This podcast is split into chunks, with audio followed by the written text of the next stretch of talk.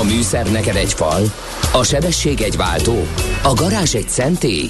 Zavar, ha valaki elbetűvel mondja a rükvercet.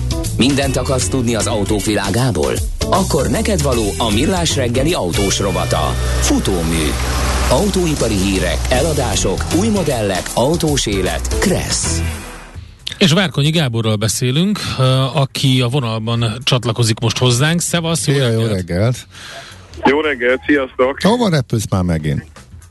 Most éppen Madridba, úgyhogy minden idők szerintem leghektikusabb bejelentkezését fogom abszolválni nektek. Igaz, hogy már a világ túlfeléről is volt ilyen, de most tényleg konkrétan boardingra állok sorba, úgyhogy... Jó, figyelj, akkor gyorsan mondjuk el, hogy mi történik a kínaiak bizniszével Európában. Airways, NIO és társai, ugye Kínában a helyi e-autó startupok elég régóta megelőzték az Audi, a BMW és a Mercedes prémium márkákat. Európában nem. Igen, hát egész pontosan ugye az elektromos autós derivátjaik azok, amelyek ugye a hazai pályán kezdik szépen lemosni a, a nemzetközi konkurenciát, ami digitalizációt, meg elektromos autós kompetenciákat jelenti, és ugye nagyon sokan óvtak minket attól itt Európában, hogy előbb-utóbb majd jön a nagy kínai offenzíva, és akkor egy pillanat alatt el fogják árasztani a viszonylag olcsó autóikkal az európai autópiacot, ami hát nem nagyon akar bekövetkezni, ugyanis a, azok az elektromos autók, amelyek általában ugye a skandináv piacról terjedve délfelé igyekeztek valahogy hódító útjukra indulni az európai autópiacon, azok hát a kínai újságok kommentárjai szerint sok millió dolláros tanulópénzt kénytelenek fizetni az eddigi tapasztalatok alapján, ugyanis az európai piac, amely bizonyos értelmezések szerint digitalizációs képességek és skillek tekintetében azért eléggé a középmezőnyben van.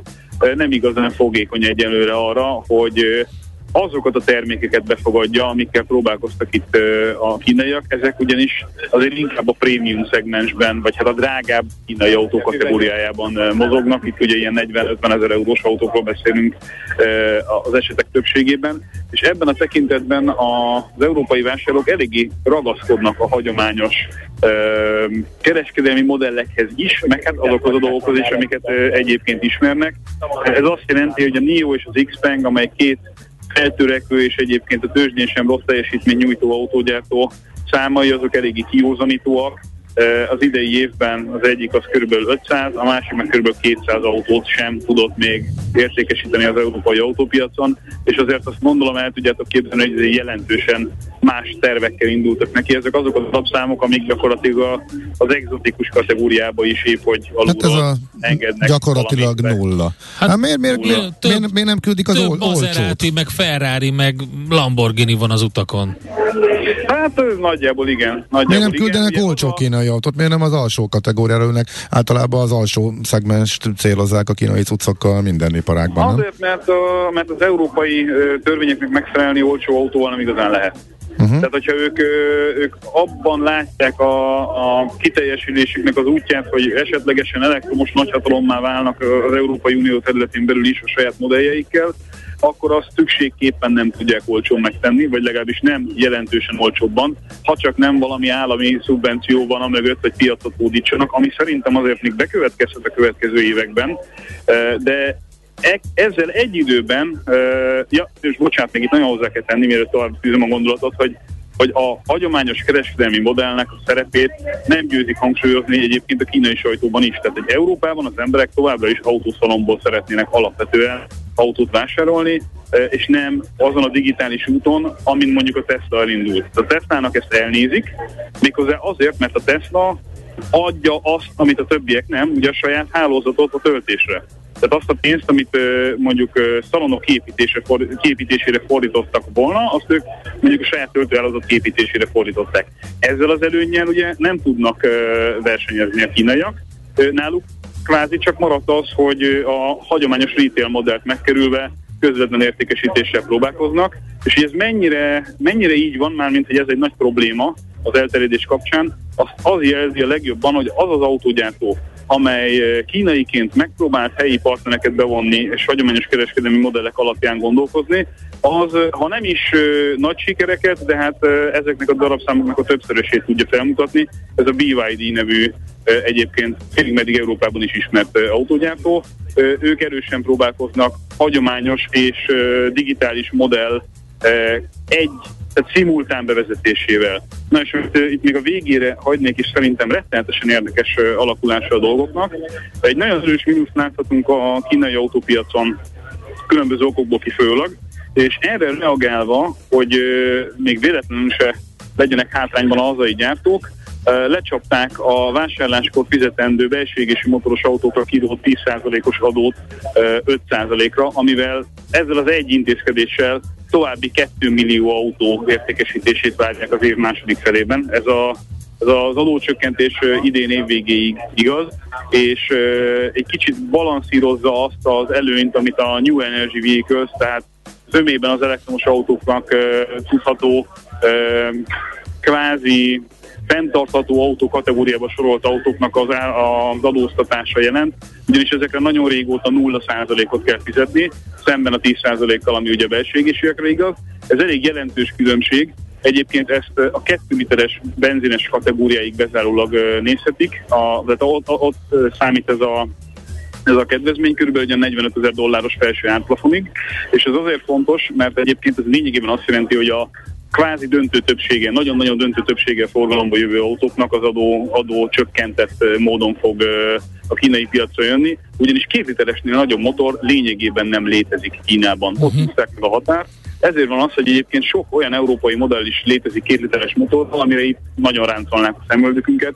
Kvázi ilyen A8-as Audi és 7-es BMW méretű luxus autók is két literes motorokkal futnak nagy részt a kínai piacon, vagy ez is van ilyen. Jó, ez biztos, hogy ez is közrejátszik, de egy dolgot szerintem kihagytál, ez pedig a márkaérték, vagy márka ismertség. Audi, BMW, vagy Merci, és uh, Neo Xpeng, vagy uh, Aways, vagy BYD, hogyha választani kell a kettő közül, azért az európai embernek a szíve az a BMW, a Merci, meg az Audihoz húz, meg hát, hát az, az, az státusz szimbólum is. Ez nem, ez nem kérdés, ez az európai, de amit mondtam, Kínára azért jobban kell figyelni, és Kínában e, ezek a feltörekvő gyártók több elektromos autót adnak el, mint ezek Be, a Persze, csak azzal kezdtük a beszélgetést, hogy ők hogy üzemelnek Európában, és szerintem ez a, ez a része, ez fontos még. Hogyha választani Igen. kell, és az érték az ugyanott van, akkor lehet, hogy inkább egy Mercire nyúlnak rá.